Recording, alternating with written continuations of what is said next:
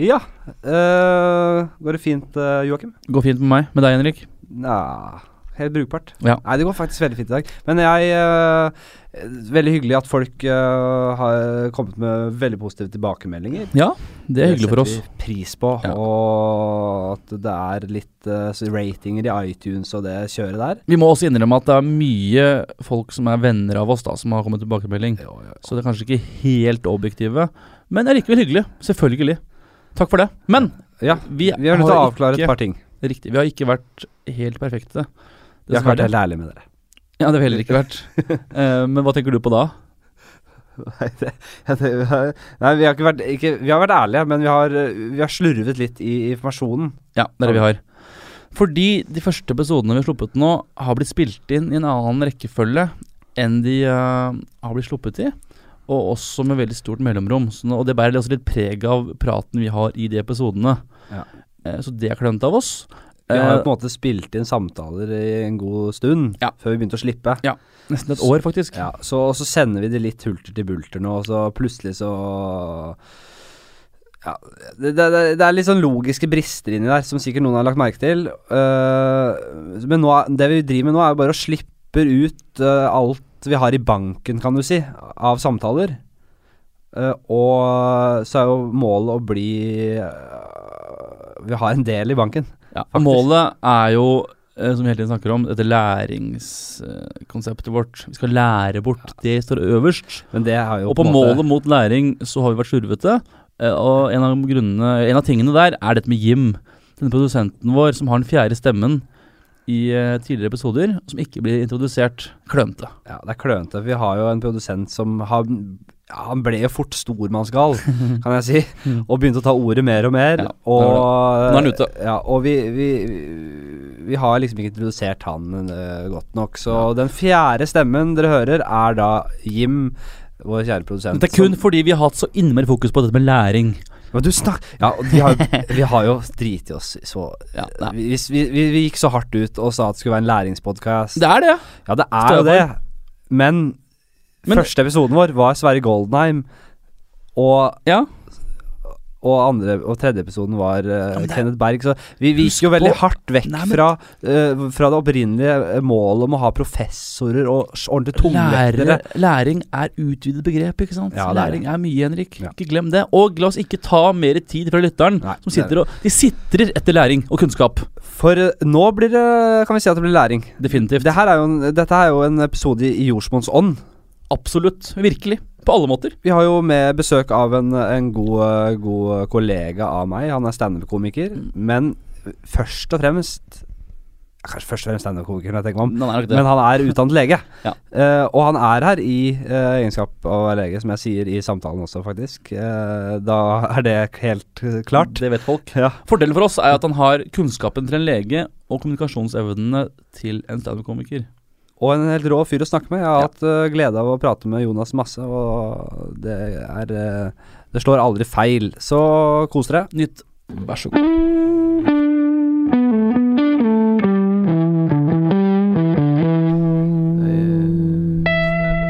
Jeg og en kompis fra studiet som bare dypdykker i et tema. Så forrige gang så hadde vi om Jeg husker ikke. Neste gang skal vi ha om uh, frimur... Nei, vi har hatt om Frimurlosjen. Sånn var det. Det er jo et rått tema, da. Og så neste gang? skal vi ha om eh, rødt hår og fregner.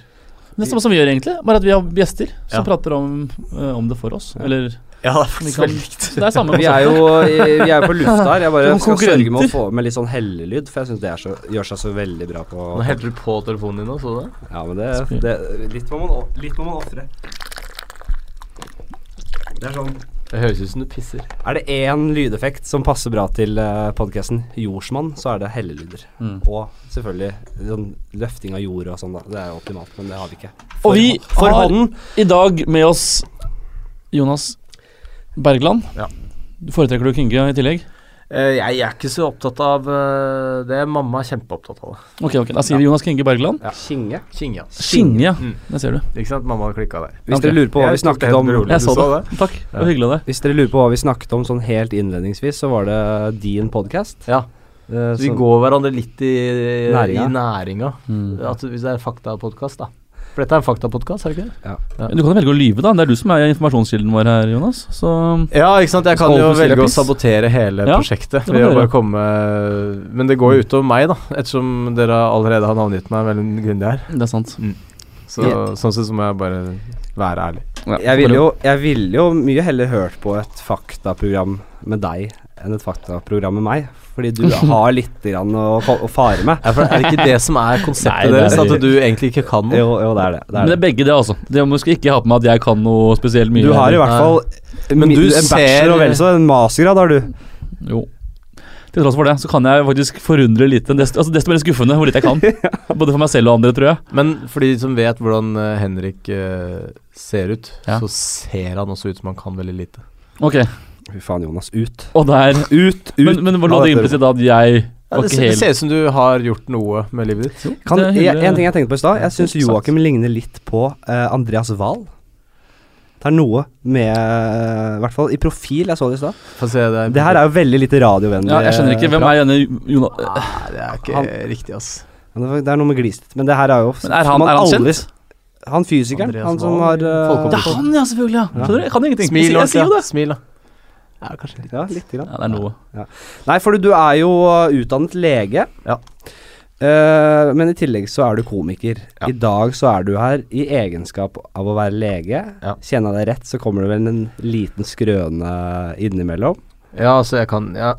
Hvis jeg klarer å komme på en historie som er relevant, så ja. Ja, ikke sant. Mm. Men uh, Nei, fordi uh, vi skal jo rett og slett ta en prat med deg om ja, Ikke så mye om legevirksomheten, tror jeg. Er det så spennende? Kan jeg spørre litt? Grann, hvordan er det? Hvordan er, hvordan er, du på som pasientkontakt og behandling, og så møte med pasienter? Hvordan jeg er på det? Ja. Nei øh, Det er jo noe Altså, jeg gjør jo det daglig. Ikke akkurat daglig, men hvis det er det du spør om. Ja. Om jeg har en legejobb, så har jeg det. Han er fastlege, Henrik. Ja, jeg vet. Ok, Hvordan det- er du på møte? Hvordan jeg er på møte. er, er, er, det mye, er det mye slitsomme folk? Kan du spesielt noe om det? Det er jo altså Nei, folk er veldig Jeg føler at folk forbereder seg litt på å gå til legen og prøver å være poengtert og komme med, med den informasjonen de skal gi. Så sånn sett så er de um, Jeg tror nok de toner ned det som eventuelt ville vært slitsom i en vanlig sosial setting. Det, det er sant. Fordi Jeg vil bare tenke en ting nemlig Fordi konseptet vårt er at vi skal ha eh, eksperter innen hvert felt per episode. Ja. Og da må man si at, en, at en fastlege er kanskje han, Hans oppgave er å kunne litt om veldig mye. Ja, det er Eller veldig ganske brett. mye om nesten alt. Ja. Eh, så kan man si at det er litt sånn Det er litt motstridende. Men jeg tenkte på det, det du er ekspert på, er kanskje da pulsen på folkehelsa. Ja, det blir jo litt det, men det, det kommer litt an på hva slags uh, bydel man bor i, hvilken landsdel og sånne Jo. ting. Så folkehelsa blir jo hele folket. Mm. Så Bydelshelsa er du god på. bydelshelsa er jeg god på. Helt ram. Så, sånn sett så For at man får jo et tverrsnitt av eh, det området man bor i, da. Mm. Sånn at eh, Og jeg vet ikke om det er et representativt utvalg for befolkninga, men man får jo et lite inntrykk av hva folk kommer til legen med. Mm. Um, og det er uh, litt interessant, for at det er overraskende likt. Ja, det er det? Ja. Det er mye eh, Det er mye folk som er engstelige for ting. Altså Man er redd for at en kul skal være noe skummelt. Man er redd for at uh, en vondt et eller annet sted skal være noe skummelt. Det er veldig mye vondter. Mye sånne diffuse plager. Det er mange, mye slarv inni pungen som kan være forvirrende. Ja, slarv i pungen er, er det ikke det? Eller er det, er, er det ikke, skal det ikke være det? At det er slarv i pungen? Er, de, er det helt cleant inni der? Du- Si at det ikke er det. Si at det ikke skal være det. Altså, um, pungen har jo da to testikler. Det visste du Ja. helt sikkert. De skal, være, de skal være der, der. De skal være der. Ja. Begge skal være der. Ja. Uh, de skal ha ca. lik størrelse. Må ikke være prikk like. Men hvis den ene er dobbelt så stor som den andre, så er det grunn til å oppsøke hjelp. Men det skal være litt sånn småtteri rundt. som- Ja, det er noe som heter bitestikkel. Ja. Og den uh, er det mange som reagerer på. Så det er mange som kommer for at jeg skal ta og undersøke bitestikkelen. Uh, det er én ting. En annen ting er eh, at det, noen ganger får man noe som heter åreknuter. Det har du sikkert sett gamle folk ha på I pungen sånn. på pungen. Okay, Ok, få det i pungen òg. Ja, og da blir det litt sånn Fysj a meg. Uh, Ja, det blir en oppfylling da som, som er litt vanskelig å forstå seg på hvis man ikke vet hva det er, og da blir man engstelig. Ja. Det skal raskt spisse seg til her, uh, mens vi er inne i Ja, eh, vi havna veldig fort i pung. Ja, jeg skjønner ikke. Jeg- jeg- men jo, men jeg, jeg, jeg er synes det er veldig Jeg synes det er helt innafor, jeg. Jeg, eh, Men jeg har en noe så Ja, noe, så, jeg. noe betydelig verre uh, på, på blokka.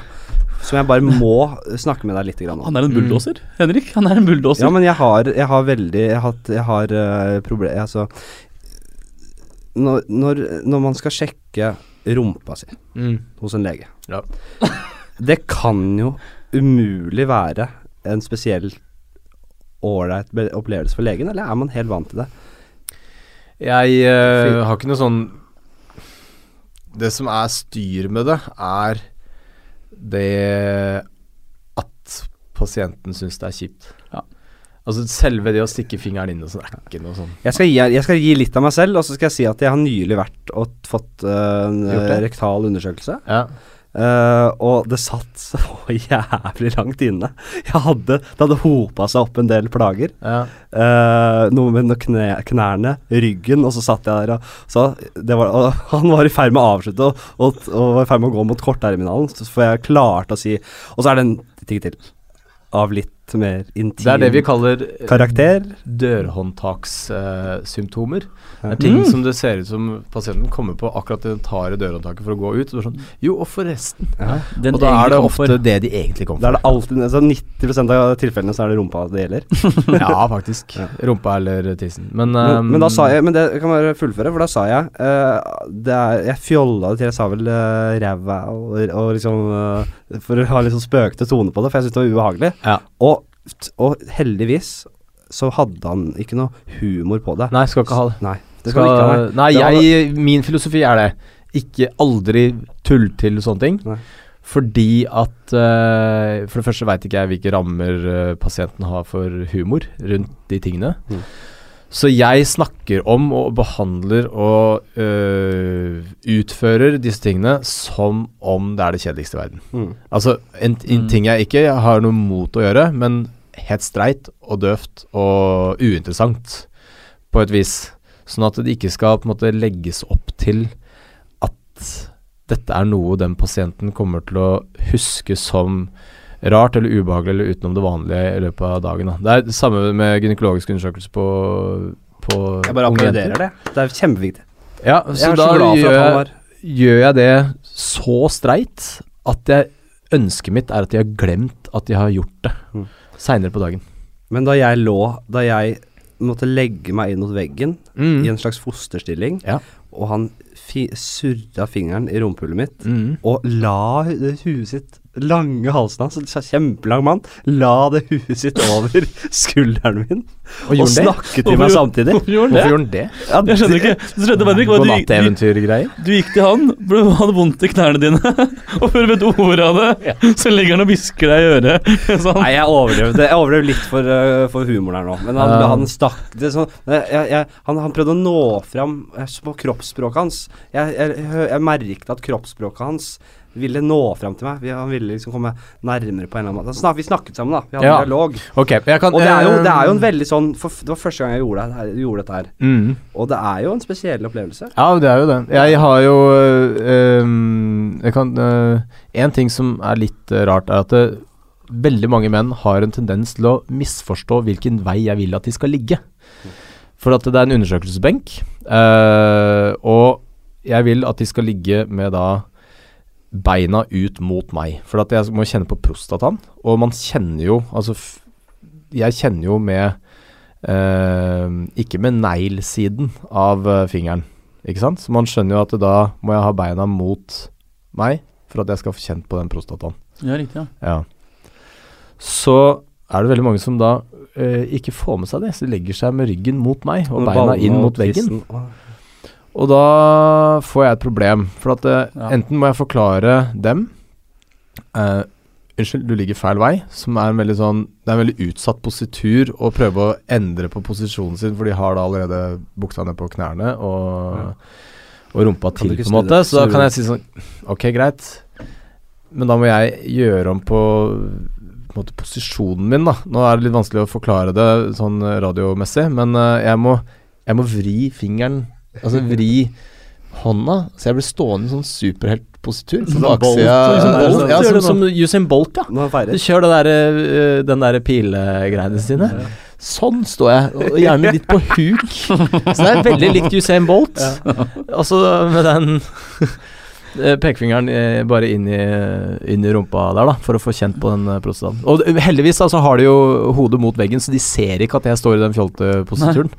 og de er ikke noe særlig interessert i å prate med meg i den situasjonen. Det ville man kanskje kunne sett på Det sixtinske kapell også, tror jeg. På, vei, på tak, I taket der. Ja. En, Ja, det er en litt mann den som står samme- sånn inntil en annen Det er jo bare Ja. kun motiver av folk som sjekker pro- prostata der. uh, I tillegg det- til testikler og rasshøl, så skal vi også over til eh, eh, andre ting. Ja. Uh, Joakim? Nei, jeg kan, jeg kan godt bare starte med det. Fordi Ja, Uh, vi, vi hadde en liten uh, diskusjon i stad. Mm. Dette her er, Pleier, er dette, hvor mange episoder har dere hatt? dette er andre episode. Ah, Ok, Dere pleier ikke å presentere dere og si hva dere driver med og sånne ting? Jo, det har vi gjort. eh, det gjør vi før Ja, vi har en sånn seanse før Å ja, okay. eh, det her nå, så Ja. hvor vi sier hei og hallo og vi og. Det er kun interessant for deg, Jonas. Alle de andre vet det. Ok, greit. Men det var Beklager greit, det. at jeg spurte. Jeg er fornøyd, jeg. Altså alle de andre, Han andre vet det, og nå vet Jonas det også. Så det er vel det vi kan si om det her. Ja. Ok, fordi det her er jo da Joy... Hva heter det? Soylent? Soylent, ja. Soylent. Det er jo en eh, form for supermat. Uh, altså pulver du blander ut, og så erstatter du med vanlig mat. Ja. Uh, Altså, jeg, hva, tenker du om, hva tenker du om det? Bare sånn kjapt, fordi vi hadde en liten diskusjon i stad. Ja, men ok, ja, Det det, vet står Vet du noe om det, eh, Jonas, på, på, på forhånd? Aldri sett den før. Ok, Soylent, det, det skal være er, skal være en måltidserstatter. Står det Soylent? Står det ikke Joylent der? Ja, det vi ser sånn ut. Um, jeg, det er det jeg kjenner til fra før av, er Soylent. Nei, det er faktisk Joylent, ja. Ja. Visst er det Joyland? Dere klarer ikke lese engang. Nei, men det er fordi Soylent Det en lang vet vei. det Her i dag i studio har vi en ekspert. Han kan lese! Ja, det Vi har en lang vei å gå. La oss håpe det blir mange podcaster, så at vi får uh, nøstskap i dette her. Hvor mange bokstaver kan du, sier du? Ok, Soylent, i hvert fall det jeg har hørt om, som Ja. er sikkert en avart av Joylent, er at det er en måltidserstatter. det kan ikke være to forskjellige, helt uavhengige selskaper som heter Joylent og Soylent driver med det samme. Det Ja, tror jeg ikke noe på. det rart. Det fjolt. Um, det er at du kan bytte ut alle måltidene. Uh, den vanlige middagen din med koteletter og poteter og brokkoli. Så kan du istedenfor bare lage deg en shake, heller oppi uh, pulver, vann, drikker det. Så skal du få i deg alt du trenger kalorier og næringsstoffer. Og karbohydrater og proteiner. Og Mm. full pakke. Mm. Og så er fordelen med det er at det er mye enklere å lage. Um, og det er mye billigere. Passer perfekt for dere Og- som hater mat. Ja, men, Sånn og for, men noen er jo ikke glad i å lage mat, eller spise mat. Um, Jeg har sett Joakim spise mye, og kun kanskje Men du, bruker du dette her, eller? Nei, jeg prøvde én gang. Ja. Smakte det, det, Jeg kjøpte jo for en måneds forbruk Når jeg var i USA. Eh, så jeg tror jeg tok to slurker av en- én shake, Ja. og så klarte jeg ikke mer, for det smakte sand. ja. Så det var dumt, akkurat den pengebruken der, da. Ja. Sånn sett. Uh, så det tror Henrik Henrik tror ikke noe på, nemlig at man, det her kan erstatte et måltid. Ja, jeg, sa, jeg sa at jeg tror man kan uh, erstatte ett måltid kanskje om dagen, men hvis du erstatter eh, Hvis du ikke spiser mat, så mister du en viktig del av fordøyelsesopplegget, liksom. Du skal vel ha det skal vel, det skal vel være noe motstand Det er viktig at det er fiber. fiber, ja. Helt riktig, Ja. sa jeg også nemlig i stad. Og fiber skaper jo volum og, og den motstanden du snakker om da i tarmen. At tarmen har noe å jobbe med. Hvis du bare får i deg suppe hele tida uten noe fiber, så er det lite, lite substans. Og det er for det første ikke noe særlig sunt uh, uten fiber. Um, Men for å spørre megadumt ja.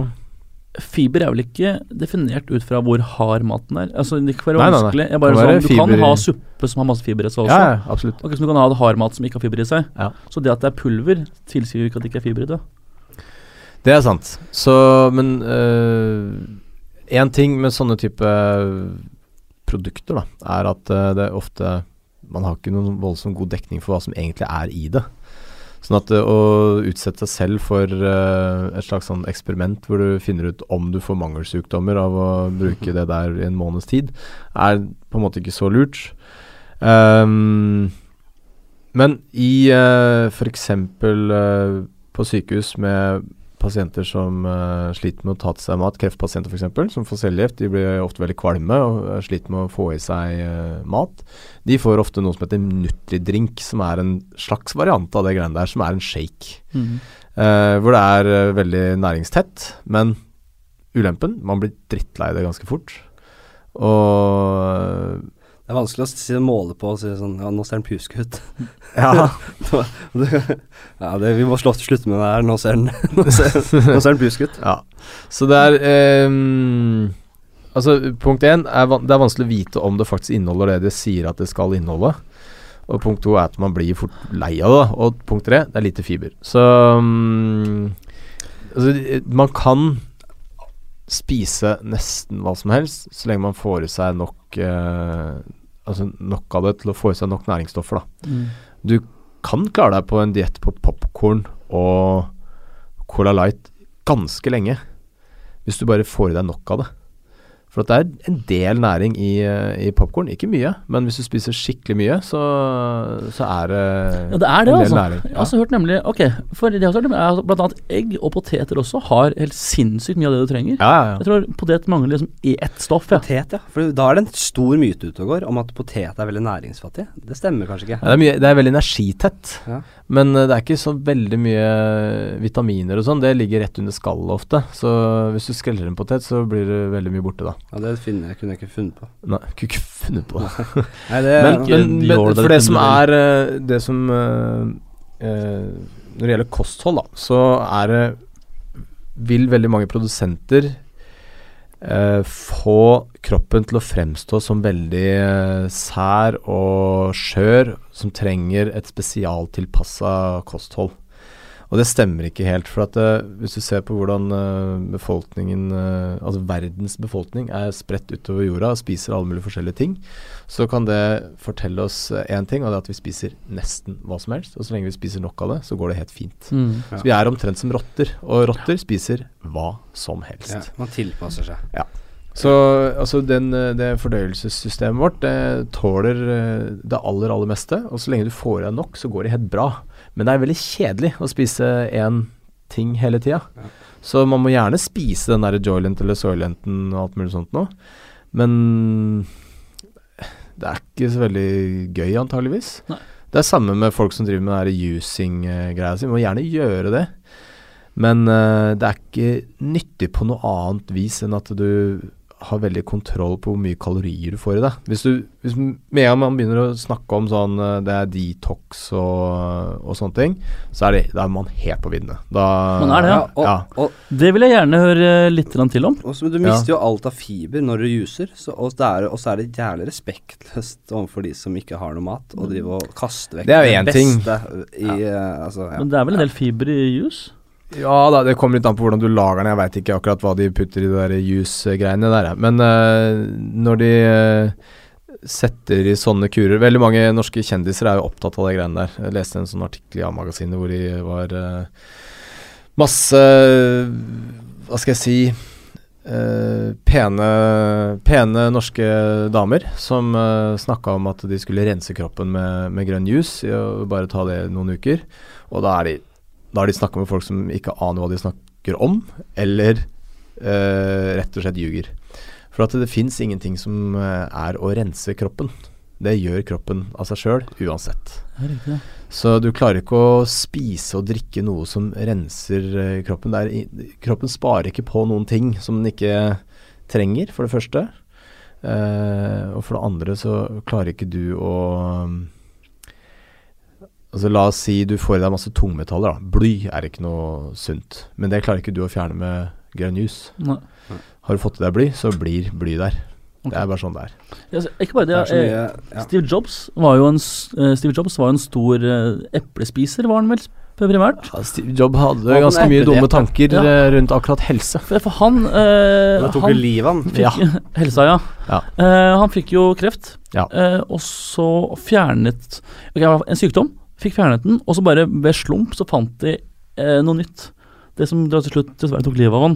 Ja, han fikk jo bukspyttkjertelkancer, Det kan stemme. som er en forferdelig jævlig form for eh, kreft, som, hvor de fleste dør innen eh, veldig få måneder etter at diagnosen er stilt. Men han fikk det tidlig, ja, vi hørte, altså, han fikk det såpass tidlig at man med overlegg kunne tro at Han kunne fjerne det, ja. Ja. Mm. Men han bestemte seg for at nei, han skal ikke fjerne det. Han skal nå gå på den dietten sin han nå, med gulrøtter og epler. Ja.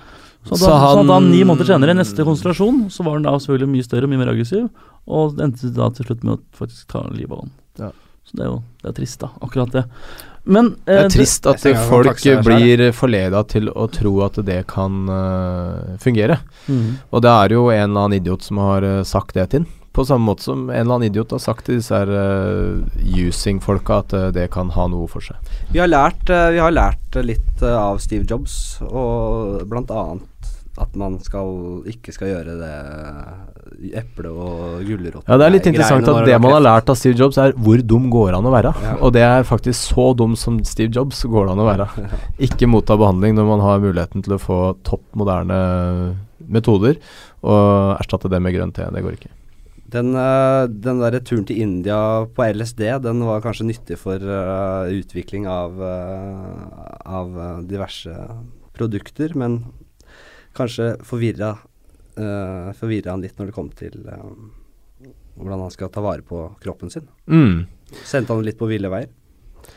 Han var jo veldig spirituell. At han hadde vel en tanke om at uh, det var noe oven En, en kraft som, som skulle gjøre han frisk, på en eller annen måte. Jeg vet ikke. Jeg har ikke Ja. noe peiling på akkurat Men eh, når vi er inne på kost, uh, altså Hva skal jeg si kosttilskudd eh, ja, Vi er ikke inne på det, men vi kan snakke litt om kosttilskudd. Mm. Fordi det er jo jævlig mye ute på markedet. Ja. Det meste er bullshit. Men du har f.eks. Uh, omega-3, som jeg, jeg har spurt legen min om uh, nesten hver gang. Så spør jeg er det noe du kan anbefale av liksom et kosttilskudd. Er det noe som er bra der, som du anbefaler å ta? Og da sier han, vil han ikke si noe mer enn at uh, kan, ha- tran er bra. Mm. Ja. Uh, det er det eneste han ønsker å uttale seg om. Hva Altså, tenker du om dette her? Nei, altså For det første så er jo øh, kosttilskudd som da kjøpes i helsekostbutikker, Mm. er jo øhm, øh, ofte ikke vært gjennom like strenge kontroll... øh, tester som Altså, øh, altså like streng kontroll da, som medisiner. Ikke sant? Det, det er testa over veldig, veldig mange år. øh, i, på, veldig grundige metoder for å finne ut ok, hvor farlig er det, hvor uh, sikkert er det, hvor uh, nyttig er det. Um, og, og så kan man lansere det på markedet når man er helt sikre. Da. Mens uh, helsekost har ikke de samme regulativene rundt testing. Mm. Så det kan plutselig være et aktivt virkestoff i noen helsekostprodukter som man ikke har helt kontroll på. Sånn at man kan få i seg ting som faktisk har en effekt, som er skumlere enn når du bare får i deg masse vitaminer som egentlig ikke trenger å ha så veldig mye effekt. da. Um, så det er én ting som er litt skummelt med det. En annen ting er at man trenger egentlig ikke så veldig mye Nei, tillegg For det til er det kosten. vi var inne på i stad. Altså Hvis du bare spiser uh, helt normalt, så får du i deg nok. Ja. Det, er, eh, det er ikke mangelsjukdommer du kommer til å føle på. Så det å liksom dra på en helsekostbutikk og jeg må ha tilskudd av ditt og datt fordi at det er en eller annen eh, u- selvutnevnt helseekspert sa at du trenger mer eh, C-vitamin, så er det tøys, altså. Et par, par konkrete eksempler som har vært eh, veldig, blitt veldig populært. Eh, du har et tilskudd som heter kreatin, Mm, som mange bruker i forbindelse med trening. ja. Som er et slags uh, en aminosyre Ja, Keratinfosfat. Det er jo noe som uh, uh, danner et molekyl som eh, gir eh, energi i muskelkontraksjoner helt i starten av eh, muskelkontraksjonen. Også, og de raskeste måte, fibrene bruker, seg, bruker keratinfosfat. Um, pluss at det er et eh, osmotisk eh, aktivum, da, så den, den trekker til seg vann. Sånn at du får litt mer vann i muskulaturen. Som gjør at den blir litt mer spent. Og så sprøyte vann inn i en kylling. ja, rett og slett. Så du ser litt fetere ut da, med kreatinfosfat. Og så kan du føle deg kanskje litt kvikkere, for at akkurat den første repetisjonen føles lettere. Men om du blir noe sterkere eller sånne ting, nei. Er ikke det Men er det noe som Jeg har i hvert fall hørt da at det er en del forskning på at det på marginen i det minste gjør deg bedre form. Om Ja, det er fordi du, om det er, for om det er fordi du får effekt, effekt av det, eller om du er bare Det står veldig mye Hvis du driver med, med eksplosiv idrett, så vil det kanskje ha litt effekt. Men for en vanlig vektløfter så er det tilnærmet ingenting. Nei, det kommer an på hva du skal, da. Skal du, er du med i NM i benkpress, så kanskje du får noe ut av det. Men Jeg vil jo hvis du tro- bare trener på Lexia for å holde deg i form, så har det ingenting å si. Ok. Eh, neste, vitamin D. Den må du være enig med folk i. Eller, eller du må ikke det. Jeg bare Ja, det, altså, det, hører så, det hører jeg så mye om. Ja. At er, um, er det også noe du er litt skeptisk til om er riktig eller ikke? At vi har behov for det, nordmenn? behov for det har vi Vi må jo selvfølgelig ha Men, D-vitamin, eh, ellers så går det jo tilskudd. rett i helvete med kalsiumopptaket ditt, så det må man ha. Uh, man, uh, altså, man produserer jo D-vitamin i huden eh, ved å få sollys på, mens på vinteren så går det litt ned med den produksjonen, for at vi uh, har ikke så mye sol. Um, og da trenger man noen ganger D-vitamintilskudd. Man kan bli litt slapp av å ikke ha nok D-vitamin. Mm. Det er litt uh, usikkert hvor, akkurat hvor mye som er nedre referansegrense, men det er noe sånn som 50 mikromolar eller noe sånt noe som er uh, uh, gjeldende referansen nå, da. Men eh, å ta masse D-vitamin har ikke noe å si. Altså Hvis du har litt for mye, så betyr ikke det så veldig mye. Men hvis du har for lite, så får du ikke i deg nok kalsium, og så blir eh, skjelettet ditt litt uh, stusslig. Men du ehm, Men du ser en nytte i at norske folk tar kosttilskudd med vitamin D, eller? Ja, ja, absolutt. Okay. Ja, ja. Men du kan få Altså, du får det i deg nok uh, hvis du bare spiser fisk innimellom. Så, så det å drive og gå på kosttilskudd, nok en gang, eh, nyttig hvis du bare har et eh, kosthold på popkorn og Cola Light, men hvis du spiser normal eh, mat, så trenger du ikke det. Magnesium.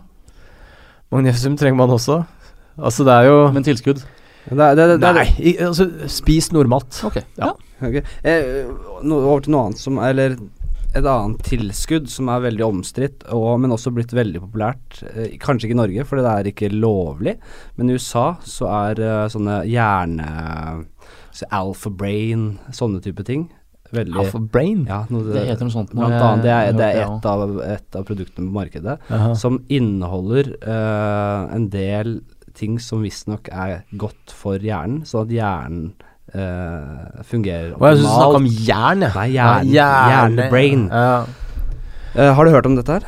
Nei, det har jeg ikke gjort. Men uh, hvis det er noe som kan virke på hjernen, så er det antageligvis en eller annen form for uh, enten psykotik antipsykotika eller psykedeliske stoffer, da. Altså det å endre på kjemien i hjernen skal du være litt forsiktig med å gjøre. Ja. Så Og du får liksom ikke tatt noe som er en hva skal jeg si, aktiv metabolitt i hjernen uten at du klarer å endre på enten hvordan du opplever omverdenen, eller hvordan eh, måte stemning og Det er det, for hvis du begynner å ta dette her Det kan hende det funker, men da blir du jo på en måte avhengig av det.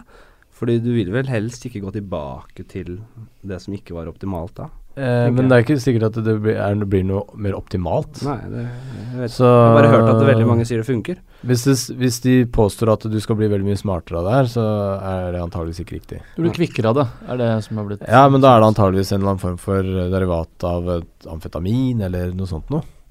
Så vil jo mm, Så vil du være mer våken og kanskje litt mer sånn Føle at ting går eh, raskere, da. mm. Eh, altså hvis du tar amfetamin eller kokain eller alle mulige sånne aktivatorer, så vil du jo tenke at du er ganske kvikk, men uh, noe sunt er du ikke.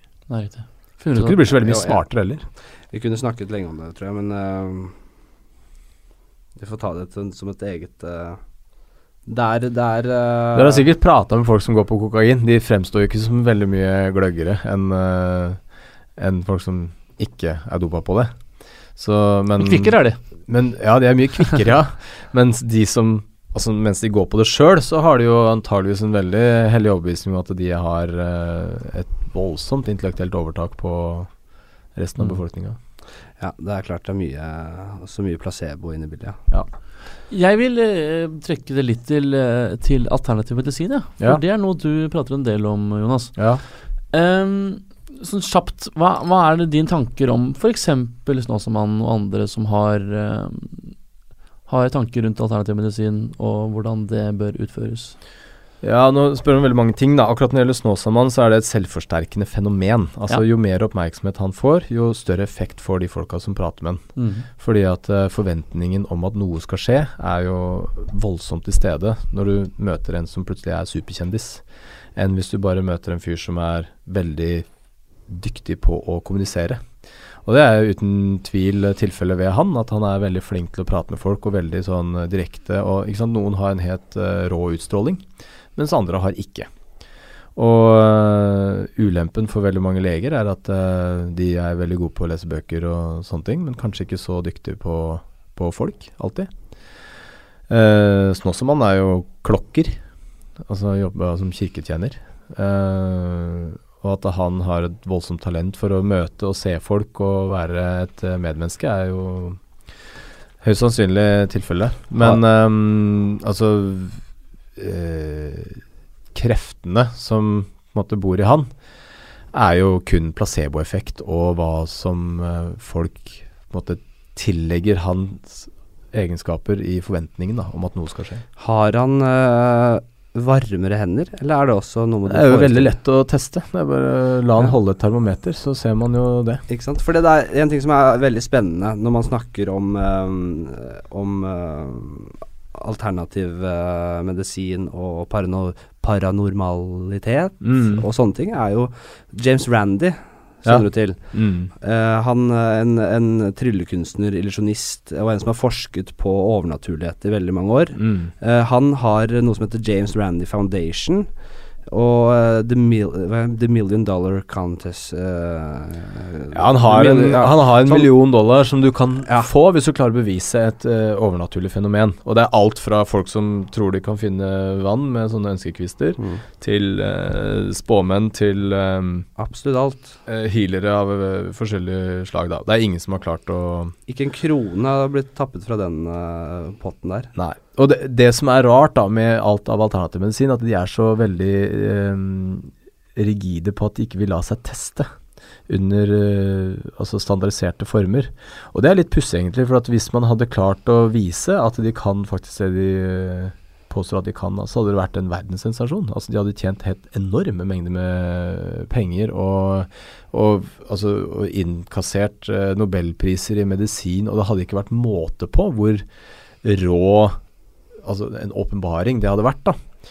Men uh, i stedet for så lar de seg ikke teste, og så kaller de heller den vitenskapelige metoden som eh, for på en måte um, iboende juks, da. At det ikke den, De har så sofistikert eh, mekanismer at det ikke vil bli fanga opp, på en måte. Men det altså, Men at det, det er to pa parallelle verdener, på en måte? Ja, det, ikke- altså det, er, det er veldig Ikke sant uh, Definisjonene rundt det der begynner å bli veldig tåkete når man skal uh, prøve å bortforklare at det går ikke an å teste det, men folk kan merke en effekt. Mm. Og hvis du merker en effekt, så har det en effekt. Og hvis det går an å øh, gjøre folk friske, så går det an å teste det.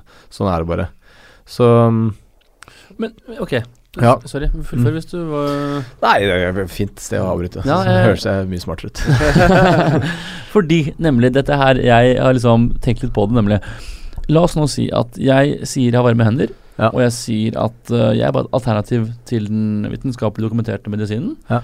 Ehm, jeg sier ikke at de gjør feil, jeg sier bare at jeg gjør noe annet. Så Mm. sier jeg, uh, som også det du har påpekt, er at jeg sier at um, det kan virke, ja. det jeg driver med. Og da er vi inne på det som uh, med placebo. Og det er jo at jo, men jo mer forventningen er at det jeg gjør fungerer, Ja. jo mer vil det jo faktisk også ofte fungere. Ja. Slik at uh, kan, Det er et sånn moralsk da, spørsmål det her. Ja. Uh, enten skal man da være 100 ærlig og, om hva som ikke fungerer, men det vil jo da placeboen det blir da desto mindre.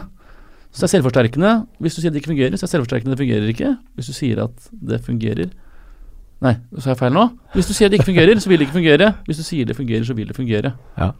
Det er litt er, sånn det noe du har tenkt på sånn i, til den debatten, bare på om det er uh, alternativ medisin-debatten? Ja, ja, absolutt. Og, og det er jo en, eh, et element ved skolemedisinen som er litt dumt. At vi har frasatt et Vi har på en måte sagt fra oss muligheten til å bruke placebo veldig aktivt i behandlingsøyemed. Mm. Men nå fungerer jo placebo uansett. altså det, Den fungerer selv om du sier at det er placebo. Så virker placebo ganske greit. Hvis du later som at det er noe som uh, er et virkestoff, men det egentlig er placebo, så virker det bedre. Mm. Um, og det alternativet vi gjør, er jo å bruke et veldig fargerikt språk for å beskrive hva man gjør og sånne ting, uten at det egentlig har noe særlig innhold. Som skaper troverdighet da, og en forventning hos pasienten. Og da bygger du opp energien for å skape denne placeboeffekten. Mm. Uh, selv om det du gjør helt konkret ikke har noe Altså det å ta på noen, eller uh, eh, sette en nål, eller eh, gi en pille, eller eh, lyse inn i øret, eller et eller annet sånt noe, så, så er det at du Det er på en måte det lille ritualet du gjør, Mm. som sementerer det fargerike språket, som gjør at eh, pasienten tenker ok, nå har noe skjedd, og så forventer man at noe skal skje, og så føler man at noe har skjedd, og så føler man seg friskere, og så har man det litt bedre. Bare et eksempel, da. Du, sier, du har selv sagt at du har tinnitus. Mm. Ikke sant? Eh, Bare sånn eh, Og jeg skjønner godt hvorfor du mener og du mener om alternativ medisin, men jeg vil bare likevel bare høre hva du tenker rundt det. La oss nå si at um, du, et annen person har tinnitus, og ingenting av det som er vitenskapelig dokumentert, fungerer. Han vil ikke gå til en healer for å fikse det. Mm. Hvis han da etterpå faktisk tror han har blitt bedre, tror han har blitt kvitt tinnitusen til- i noen grad, Mm. er ikke det da Er ikke det da verdt det? Kjempebra. Men, øh, og det er jo Det er veldig fint for han, for det første. At Mm. han har blitt bedre. Det er jo ikke noe som er bedre enn det. Nå er jo tinnitus en ting som er veldig utrolig vanskelig å måle, da. Uh, så, altså, måle effekt er jo bare å spørre han er det bedre, og så sier han ja, ok, greit. Da får vi bare stole på deg, da. Uh, men hvis han faktisk er bedre, så er jo det veldig fint. Om det er tilegna placeboeffekt eller hva det er, så det er jo vanskelig å si. Men um, hvis man skal gjøre en kontrollert studie på om akkurat den metoden han benyttet seg av virka, så må man jo ta masse folk med tintus og be de få den behandlinga. Og så ser man om det har noen, har noen effekt, da. Altså, jeg vil jo Jeg har jo tintus. Jeg Mm. vil jo at det skal virke. Mm. Altså Det er ikke noe som hadde vært bedre hvis det kom en fyr som Altså Jeg driter i åssen han ser ut, om han har eh, går rundt med sånn tromme og lang hvit kjortel, liksom. Ja. Det driter jeg i. Hvis han uh, bare holder meg i skulderen og sier sånn Kjenner du all den fantastiske, hellige energien som uh, svever rundt i rommet nå? Og jeg sier nei. Og så sier han nei, men den er der, og nå fikser han tintusen din, og den er borte. Fy fankeren, jeg har vært så fornøyd. Så eh, det går ikke på uh, Altså man må En ting er jo tintus og en sånn litt sånn Som er en sånn I likhet med litt sånn kanskje mageplager eller eh, mange sånn diffuse plager, da. Det er jo en diffus plage. For den har ikke noe sånn konkret opphav. Du kan ikke forklare den helt fint. Du kan ikke måle den. Det er, det er en sånn psykogen faktor inni der som er litt sånn vanskelig å beskrive. Og hvis jeg har det dårligere med meg sjøl, så er den høyere. Mm.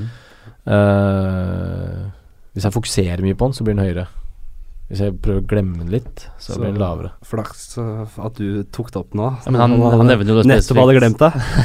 ja, altså Det er jo ganske ironisk med det showet jeg satte opp, da om, eh, om alternativ medisin. Hvor liksom eh, Showet handla jo om min reise i alternativ medisin for å bli kvitt uh, tintusen. Ja. Og i at jeg prata så veldig mye om det, så ble jo tintusen høyere. ja. Mm. Så det var litt rart. Jonas Bergland og den alternative medisinen, Ja. som var ditt forrige show, den var utrolig bra. Nå Ja, er du på det, altså. gang med nytt show, Ja. som er en tittel som er helt rå, som heter Dr. Bergland bryter taushetsplikten. Ja. Det er, er litt i grenseland. Er det, har du fått reaksjoner? uh, Jeg har faktisk ikke det, altså. Det er jo egentlig veldig fint. Uh, akkurat det showet Alternativ medisin, det hadde jeg jo litt lyst til å få reaksjoner på. Det var veldig lite som kom, annet enn uh, Charter-Sveins, faktisk, som, Ja. uh, som kom med en protest på, via Facebook. Hva sa han? Nei, han er jo selvutnevnt healer, da. Så Hæ? Ja, så han um, eh, Visste du det, Henrik? Påstå at jeg ikke hadde noen ting å, å kunne utsette på, på det. For at det var ikke jeg. Og så sa jeg men det er jo ikke noe beskytta tittel, så alle kan si at de er healere. Så det var, Vi hadde en liten diskusjon på Facebook. Det var veldig ryddig. Altså. Det var ikke noe drittslenging og sånne ting. Han bare fortalte hva han mente, og så forklarte jeg prøvde så godt jeg kunne å forklare hvordan det er en eh, veldig eh, dårlig argumentering han Ja, for du er objektiv, er du ikke det? Du er objektivt sett så vant du den debatten, gjorde du ikke det? Um, altså, det er jo bare vi to som har uh, meninger om det, og vi har vel hver vår mening. Så Det- det er sånn det sett som så er det så 50-50. inn i granskauen irriterende når du snakker med religiøse og troende mennesker. Ja. Fordi det er ikke noe sånn Du kan ikke ta dem med kunnskap. Du kan ikke si ja, jeg er lege, jeg har studert det i sju år, eller hvor lenge det er. Mm. Jeg, eh, altså, jeg har forsket på dette i 30 år, kan man si. Ingenting biter på. Fordi de har en kontakt med en slags åndelig verden som trumfer alt. Uh, jeg har eh, tatt en del uh, debatter opp igjennom med uh, religiøse mennesker. For før så var jeg litt mer sånn Litt mer ateist og litt mer keen på å ta den debatten. Jeg har blitt litt mer Jeg Orker ikke det lenger. Før var du fordi- umulig på det, for jeg er jo kristen. Ja, og det var jo ja, eh, det, det, du og- er ikke kristen, vet du. Du vet ikke, bare- skjønner jo ikke hva det Nei, nei, det er greit nok, det. Men en ting bare, du er mer Usikker opptatt på deg sjæl, heter det. Ja, ok, da sier vi det. Men du er mer opptatt av å si at jeg tar feil enn du, enn jeg Jeg var det. Jeg var det. Ja, jeg har blitt mye fordi mer jeg eh, Fikk jo ikke ro før, for at jeg var kristen.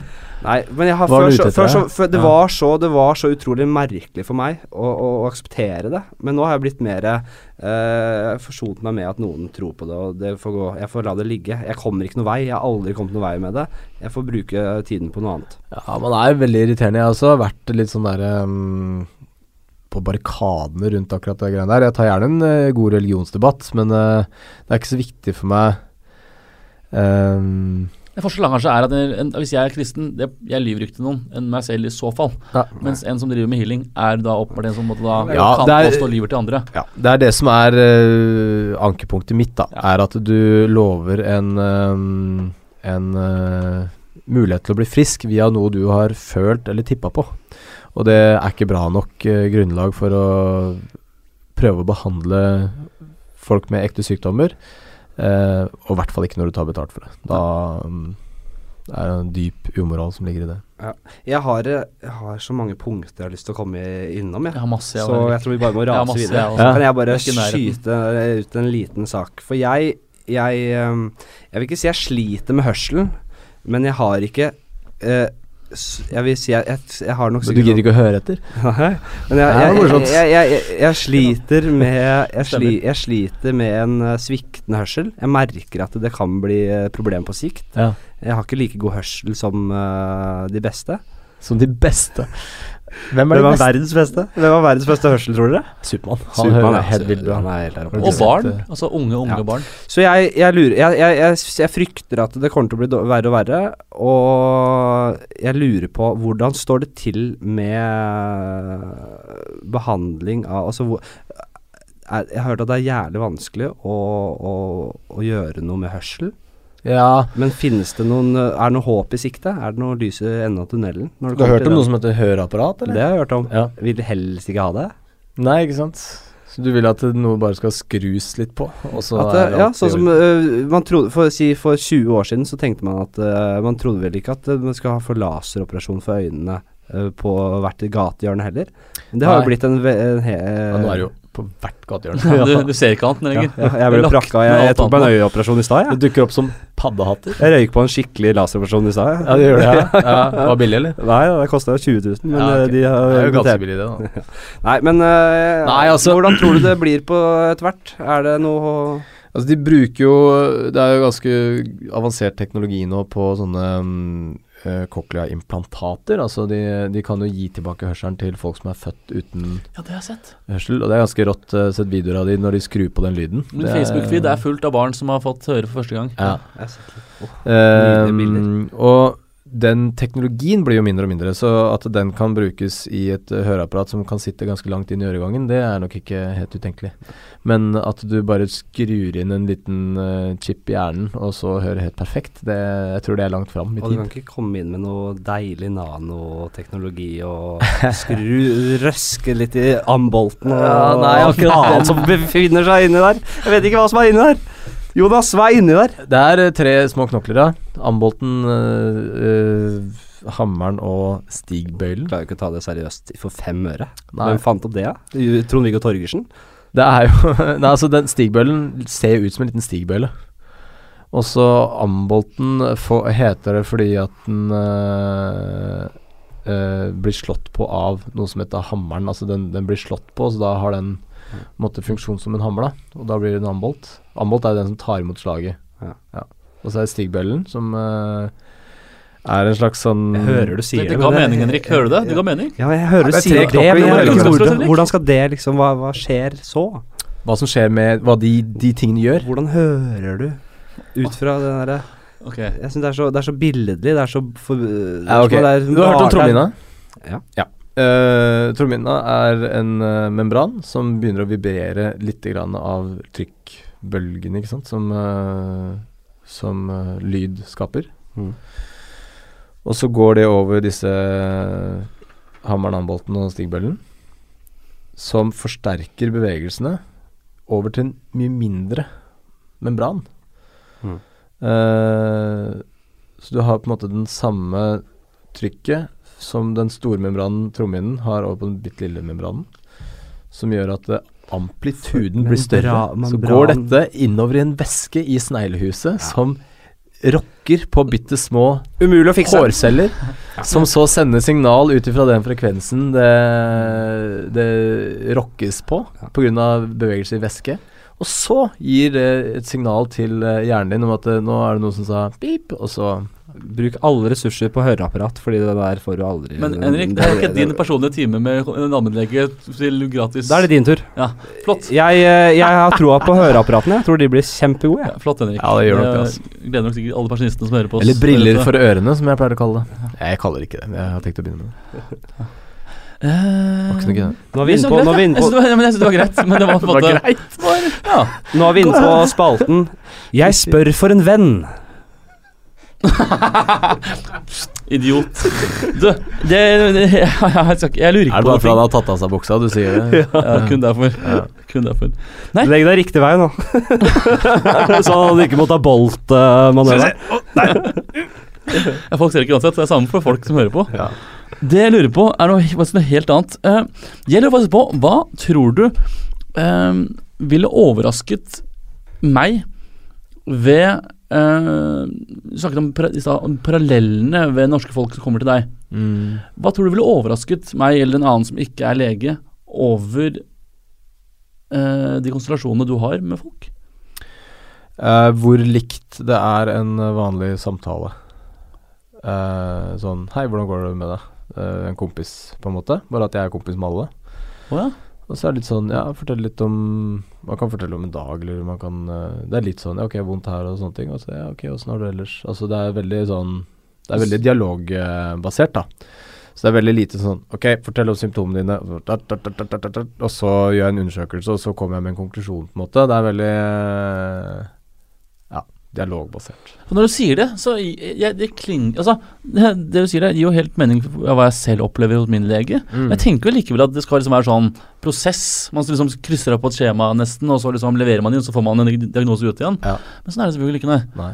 Um, interessant, Henrik. Er du ikke enig? Jo, Jo, Har du lyst til å spille noe på det? Det er jo veldig få jo ting hos legen som er sånn Du kommer med ett symptom, så sier legen 'aha', og så gir han deg en pille, og så, og så kan du dra hjem, på en måte. Mm.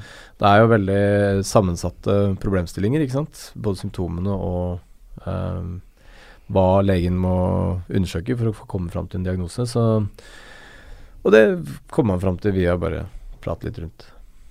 Mm. Mm. Jeg eh, Det er én ting jeg lurer ved Er du ferdig? Nei, jeg, jeg, jeg, altså, jeg er ikke ferdig. Kan jeg én ting bare til? Jeg lurer på Hvorfor har vi snørr? Nei, men jeg tror, jeg tror Nei. Det er, det er ikke det her det handler om. Det er ikke det det handler om i det hele tatt. Vet du det? Nei, men, nei, men Vil du Det er være jo programmet? så stor del av livet vårt. Hvor irriterende er det at vi har snørr? Også så lenge, da. del av livet vårt? Nei, stor del, ja. Er det en stor del? ja jeg, i Er det hvert fall, jeg er jo en ordentlig stor snørrunge, så jeg sliter veldig Jeg skal, jeg skal svare på det etterpå, men du kan ja. Ja, jeg, nei, jeg lurer på Det jeg har sett for meg, er det noen slags hierarki innad i de forskjellige spesialiseringene innen lege. Selvfølgelig. Eh, altså sånn, Hjertespesialister er sånn, de ser sånn på allmennleger. Eh, de som driver med hjernen, de er sånn. Kirurgene derimot, det er denne type mennesker, og de ser sånn på allmenn... Skjønner du mener? Det er Ja, det er veldig Sånn, det, når dere altså. møtes i et rom, hvordan blir kjemien blant de forskjellige Skjønner du? Ja. På? han er i, i Hangover, de filmene, som er tannlege. som hele tiden introduserer seg som lege. Du er you're a dentist. Ja, ikke sant. Eh, ja, nei, altså det er et hierarki. Det er jo uh, anestesilegene som er de som tar imot ved en ulykke eller uh, sånne ting. Det er på en måte rock'n'roll-legene, da. De som kan veldig mye, både uh, sånne hurtigprosedyrer, livsreddende behandling og sånne ting. Det er skinnjakkegutta, liksom? Nei, ja, ikke, ikke sånn så direkte og, uh, betydning, men sånn det, er, det er den actionlegen, da. Det er Mats Gilbert, Erik Fosse Altså heltene. De som drar av seg den grønne greia de har på hodet, og så Ja. kommer det sånn lyst, flagrende hår som de rister ut uh, etter operasjonen. Ja, det kanskje det, hvis det er et bilde på en rockelege. Men jeg, jeg, jeg tenker rock'n'roll, så tenker jeg sånn action. De får inn en akuttpasient, de må stabilisere, de må og gjøre en del øh, kirurgi, og så, og så redder de et liv, da. Mm. Og så har du indremedisinerne, som er um, på en måte de som eh, kan veldig mye om organer og systemer og antibiotika og alt hvordan dette her er, funker. Så på en måte da jeg var turnuslege på Gjøvik sykehus, da og jeg satt i morgenmøte med gastrokirurgene, så sa de alltid sånn hvis det var et eller annet sånt Ja, vi kan gjøre sånn og sånn. Og så sa, var det noen som spurte Kan vi gjøre det? Så sa de ja, ja, vi kan gjøre alt hva vi vil. Vi er leger. Hvis det var noe de ikke visste, så sa de vi får spørre en lege. Og da mente de en indremedisiner. Ja, vel. Så hvis du vil ha ned en kardiolog ned i, eh, ned i mottaket f.eks., så, så ringer du en telefon og sier sånn Du, jeg er eh, ortoped, jeg står med et EKG her. Og det, da kommer indremedisineren med en gang, for at de, eller kardiologen, da, for at de mener at en ortoped er nesten en Altså tjukk i huet. Ja. Så du, du skal ikke drive med indremedisin, du skal ikke drive med noe hjerte, du er en beinsnekker, på en måte. Okay. Så, mens uh, kirurgene er sånn tøffass-gutta som um, Som på en måte De er sånn barskere, da. Uh, opererer masse, er uh, eh, ikke så mye dialog med pasientene og sånne ting. Eh, det er mer sånne macho-folk. Så når jeg mente rockelegene, så mente jeg det som er mer sånn action-prega. Nesten mens ortopedene er, eh, ortopedene er sånn macho-gutta. Som, som faktisk Fastlegene. ser ut som macho-folk. da, Fastlegene. sånn. Fastlegene ah, Hva er de for noe? Det er vel folk som er uh, Vi, vi, hva er vi for noe, kanskje? Vi, ja. Så, Det er jo de som er uh, opptatt av å ha sin egen business litt, da. Ja, Og vel, syns at alt, alt litt er litt interessant, men har lyst til å styre sin egen uh, sjappe. Er det, er det gründerne i legemiljøet? Ja, litt, Ja. kanskje. Det er mange av de som er opptatt av penger. Det er det, rett og slett. Og Er det fordi de får betalt per person? Ja, altså jo, jo Mange allmennleger kan tjene veldig mye, og gjør det. Private klinikker er vel uh, god, veldig god business. Ja, ja, ja. Eh, Dødsbra. Um, jeg, jeg er veldig jeg, du, har, en- du kan en del om, om kosthold og ernæring og sånn, Ja. vet jeg. Mm. Uh, jeg uh, når, Jeg klokka, forresten. Ja, du, den uh, Bare barnet. Seks. Ja, det er perfekt. Når er det du må gå herfra? Nei, eh, om ti på halv sju. mener jeg. Ja, noe sånt. Ok. Er Eh, dette noe dere klipper bort, eller er det interessant? nei, det, er- for, det. nei, det klipper ikke bort. Dette her. Ja. Det får dere tåle. Ja. Det mener jeg. Så det får dere tåle. Snakker du direkte til lytteren nå? Ja, nå snakker er jeg direkte til lytteren. Ja. Ja, det er, bare, si det. det, er, det er mora til Henrik som hører på. Jeg føler egentlig at man får skille det. Jeg føler at når jeg hører på ting, så hører jeg liker bedre å være en del av en gruppe enn at de snakker bare til meg. Ja. Sånn, ja. Lytteren ned. Ja, sånn tenker du på, ja. Ja. Jo, men for oss vår del så tror jeg Føler føler meg som del av en gjeng. Når du sier sånn 'lytteren', så bare sånn 'er det meg?' Eller er det, ja, da føler jeg at det er en annen som er mer eh, Å, sånn, ja. At ikke det er til deg, det er han andre som vi faktisk kjenner. Ja, det Ja. vet jeg ikke. Jeg har ikke tenkt så mye på det.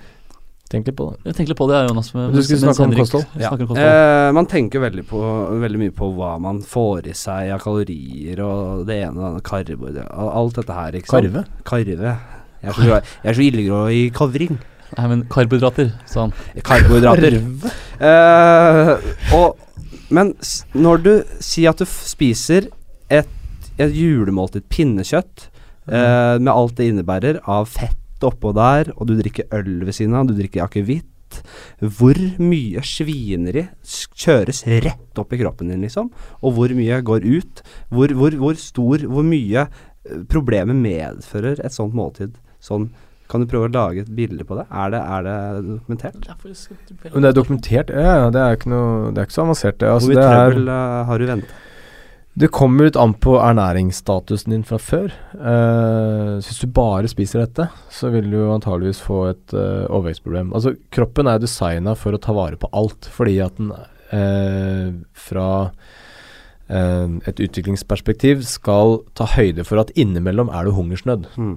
Og når det blir hungersnød, så må du ha spart på det du hadde da det var gode tider. Mm. Så derfor så Alt du spiser, tar kroppen din vare på. Den, den tenker alltid at dette er uh, nyttig, unntatt det som er bare Som ikke har, er et næringsstoff. Ja, da. som å se en isbjørn uh, lagrer opp og Ja, ikke sant. Det, det lagres jo sånn spekk, da. Og fett er den måte mest energieffektive lagringsmetoden. Mm. Eh, trenger ikke opprettholdes på noe vis, kan bare, den ligger der, den.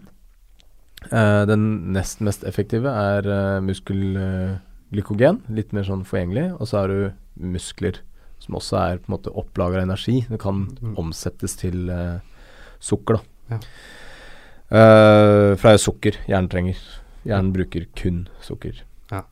Um, så alt det som kommer inn, det omdannes jo til det den skal eh, bygge opp av eh, muskulatur eller Det du får i deg av fett, det er enten forbrenner du eller lagrer du. Rett og slett. Så, Stort sett så kommer det an på forbrenningen, da. Får du energi, ikke får i deg fett.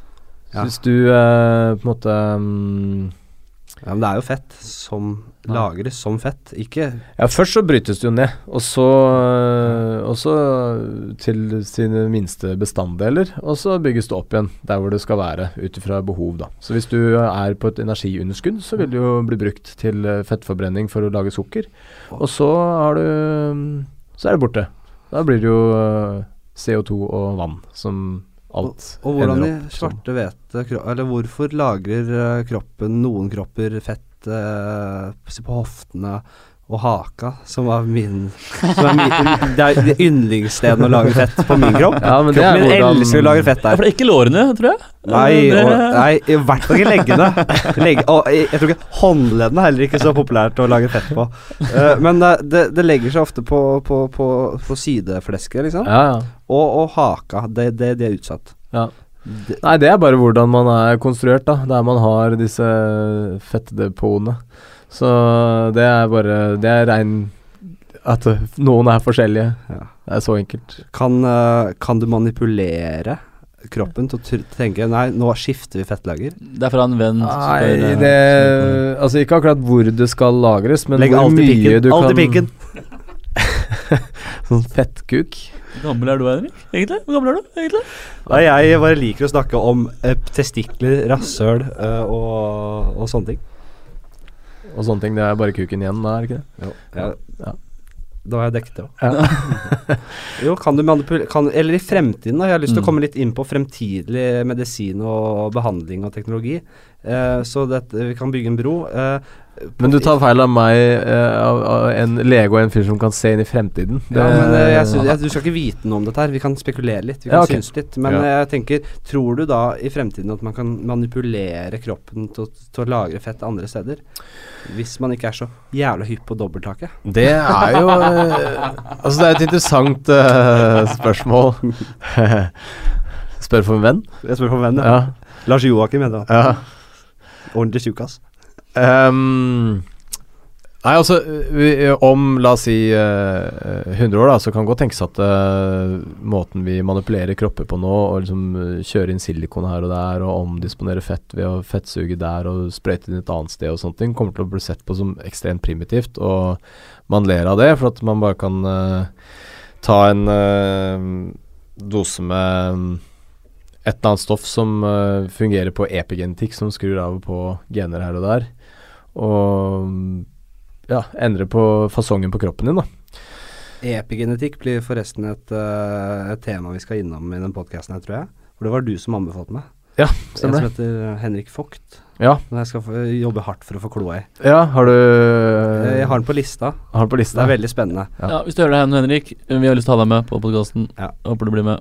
Takk. Ring oss. Jeg blir, jeg blir litt sur hvis han eh, responderer på For at han hører ikke på Jeg har eh, prøvd å plante i min podkast at uh, Henrik uh, kanskje var frimurer. Han har ikke reagert på det, så det betyr at han ikke hører på. Ja.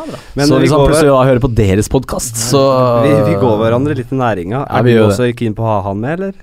Du, han har faktisk en gang sagt eh, Jeg kan godt være med som gjest, og så sa jeg Men det er ikke så aktuelt. Og da ble han kanskje sur, sånn at han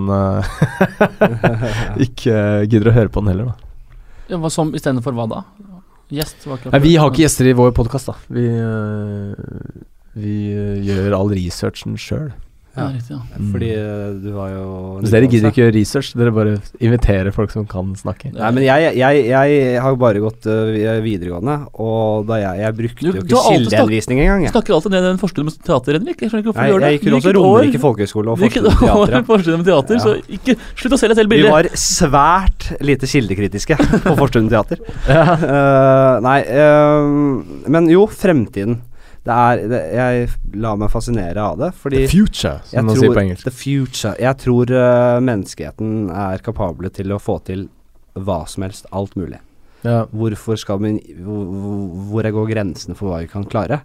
Fordi det allerede altså På veldig kort tid nå så har vi fått til ting som vi trodde var helt umulige. ja da. Uh, Man har fått et sånn voldsomt uh, sprang i hvor mye teknologi kan gjøre, da. Ja. Men det har jo stagnert litt på Altså etter 90-tallet så er det ikke sånne der voldsomt banebrytende ting som uh, har smelt i bordet med, er det det? Det er bare at eh, sett- skjermer ser litt mer fancy ut. Ja, men jeg, når jeg har sett det Hvis vi skal holde oss til uh, kroppen uh, Jeg har sett eh, Ganske fancy kropper. eh, Jeg har sett folk som har fått eh, Har mistet armene sine, og så har de klart å på en måte eh, de har, de har kobla til eh, kroppen til en slags robotarm, så du kan tenke deg hvordan du skal gripe på nytt. da. Du kan gripe med robotarmen ved hjelp av tankens kraft. Ja. Så du føler da ikke at du griper med en vanlig hånd, men du føler at du griper si der stumpen er, da Mm. på en eller annen måte. Så du er kobla til eh, det, er, det, er jo, det her er jo kunstig intelligens på en Eller det er ikke kunstig intelligens, men du Det er jo Hører dere hva jeg sier her? Men, men hva skal vi, hva skal vi svare? Ok, Henrik. Vi, hører alt du sier, men hva skal vi svare? Det, det, hva skal vi svare for noe? Det høres fint ut. Ja, altså, ja, å, Det høres fint ut! men, men hvor, er- hvor er spørsmålet? Ok, Konseptet med Ja, programmet det var er de at har eksperter med oss. Det beste spørsmål. ville jo være å gjøre sånn som salamandere gjør, og bare gro ut en ny arm. Ja. For det gjør jo de, og det er ganske rått. Men det finnes da vel eh, muligheter innenfor eh, Hva skal jeg si genmanipulering og sånn? Man du må får eh, Det finnes en metode, gener. og det er å bli bitt av en radioaktiv salamander. Ja. Så blir man salamanderman. Eller Newtman. Det er en treig fyr som vokser ut armene sine hver gang Men ok, vi skal Jonas. litt vekk fra fremtiden og Nei, over i vi skal ikke det. nåtiden. Jonas. Det- jo, Du har ikke så mye hår. Nei, Ja, men det begynner å måtte Henrik ha med. Det, det begynner å og du skorte. har dobbelthake. ja. Men eh, Og når jeg, s- når du er jo lege, så da vil jeg tro det finnes ingen kur Nei. for dette. Gjør det ikke det? Nei, ikke noe bra. Kremene. Hæ? Kremer og sånn, da. Nei, nei. Kremer, det er det største. Altså, det fins Er det det en finnes jo én ting, og det er noe som heter uh, finasterid, som er en uh, alfareseptorblokker som uh, blokker for det um, molekylet som gjør at immunforsvaret angriper hårsekkene dine, da. Eh, og det er en sånn testosteronblokker. Det som er ulempen, er at hvis du tar det greiene her For det første er det ganske dyrt. Uh, for det andre, så Hvis du stopper å ta det, så vil uh, kroppen normalisere seg på det stadiet du ville vært hvis du hadde bare fulgt vanlig kronologi. Det vil si at hvis du går på denne finasteridmedisinen i eh, type ti år, da, Mm. så stopper du, og i løpet av to måneder så er du der du ville sett ut eh, er etter ti år hvis du ikke hadde gått på noen medisiner. Så du bare- forandringene ble veldig stor.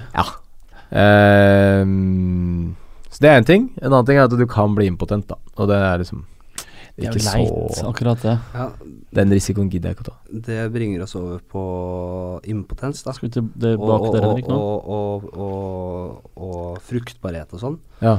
Fordi eh, man skal holde seg langt unna sånne pikkpiller.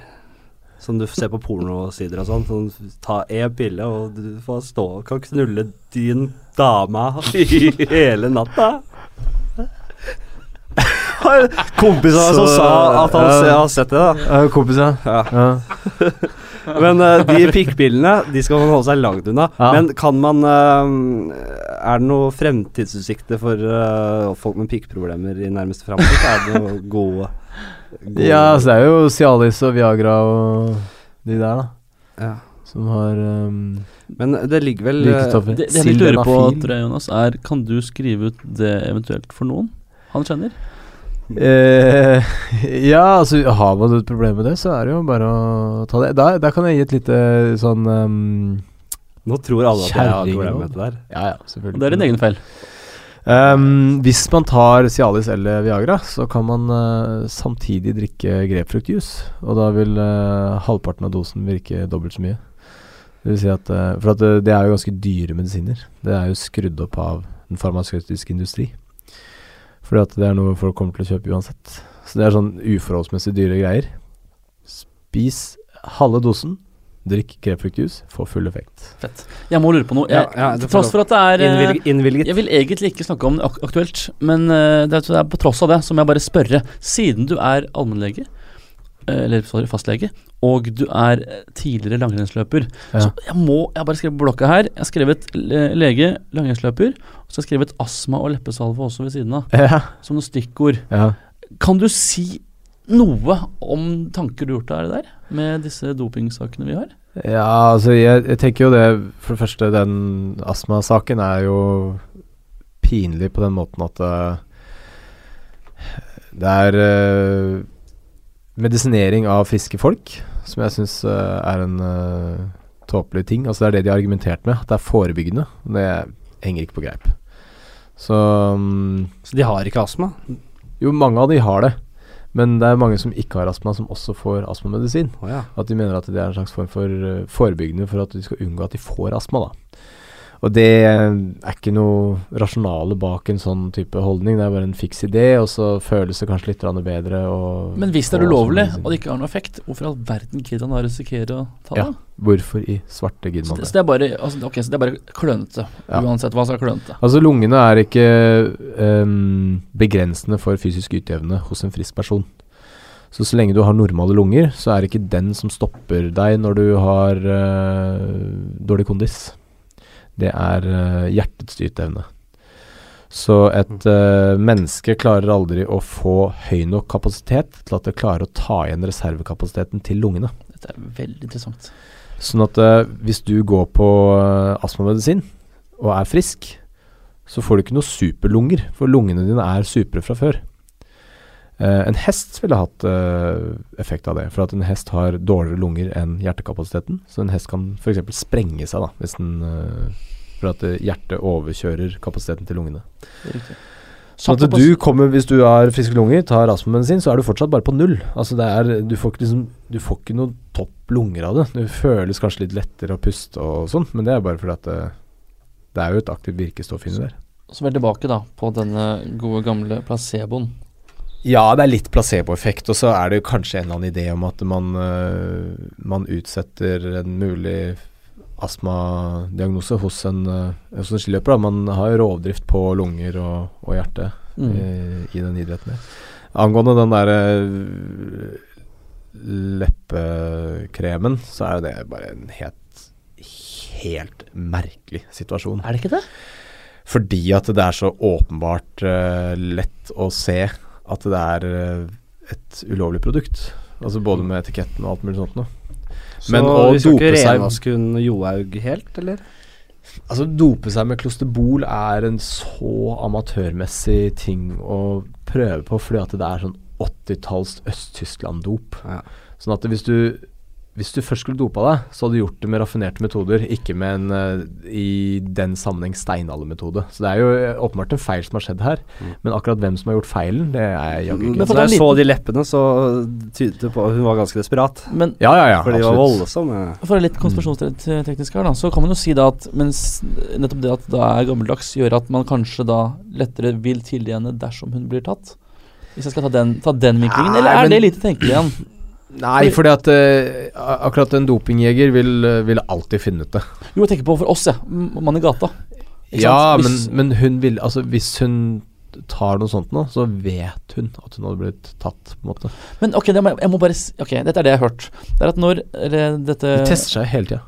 Ja, men det, det, det, var mange måneder siden sist. Ja da, men det er, det er relativt, da. Hva som er hele tida. Det er ikke sånn en gang i uka. Men eh, de testes uh, uanmeldt. Ok, eh, Går igjennom. Jeg, det er på siden av hva du kan, så jeg skal, men jeg siden jeg er inne på det. Det jeg hørte hørt nemlig er at når, de, når landslaget reiser noe sted, så har de med seg en koffert full av alt av medisiner de trenger, kanskje trenger, ikke trenger, sånn at alt er sikra. At Mm. de har med seg det de skal ha med seg, Slipper å ta noen sjanser. Ja. Mot formodning så fikk Johaug eh, sår på leppa, Noen får hvert år. Ja. Det, det, det, for, for, for det, Hmm, kunne vi kanskje fått bruk for noe leppesalve til Johaug utover, da? Nei, jeg tror ikke det. Nei. Vi får kjøpe det på apoteket hvis, det blir, hvis vi trenger det. så da går de da mot eh, prosedyre. De kjøper noe på apoteket. Ja. Det, noe som nesten, det, det, det, det gjør de aldri, men nå gjorde de det. Og så, skal, og så da har de kjøpt en pakke med leppesalve hvor det står doping på. Både står det doping på den, i tillegg til at stoffet som er ulovlig, står på pakken. ja. Veien da for meg til å tro at det er helt kun uflaks, er, er litt lang, altså. Jeg syns det er litt grann suspekt. Selv om jeg skjønner at du sier at det kanskje man har uflaks og alt det der, og, og, og det er steinalderdoping og alt det der. Men hva er, hva er sjansen, da? Altså sånn Jeg syns det høres så rart ut. ja, nei, eh, jeg, alle, alle veier å angripe det der på er en sånn uh, Gorbisk knute.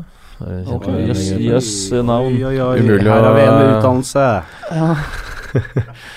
Umulig å, å knyte opp på Ja. et vis, da. Og vi har ikke så mye tid til å snakke mer om det, dessverre. Jeg har, så jeg, jeg, Gorbits knute for hvert siste som Nei, blir det, det som vi skal, ta helt til slutt, det er eh, Jonas Bergland Jonas Berglands Jonas Kinge Berglands tre beste eh, helseforebyggende tips på impro. Det lurer jeg på. Ja.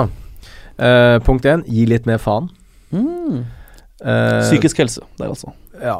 Eh, punkt to, uh, spis normalt. Og Hvis du lurer på hva som er normalt, så Les finner du ut av det ganske kjapt. Er kjøttkaker og poteter, liksom. Google det. Eh, tre, beveg deg mer. Ja, det er ikke det. Selvfølgelig, det er ikke verre. Nei. Ta tran.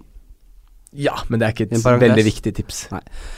Tusen hjertelig takk for at du kom. Dette var veldig, Det veldig glede å prate med deg. Veldig Spesielt for Henrik, for det er så, altså, uvurderlig person for Henrik. Det her. Du har lyttet til en podkast av og med Henrik Fladseth. Det. Skal du ikke fullføre og Lars Dette er Lars Joakim Karner Hagen og Henrik Flatseth Production.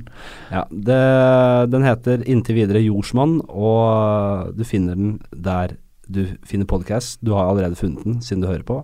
Dette var klønete. Dette er innøvd, som folk hører. Ja. Takk for oss. Hei. Snakkes.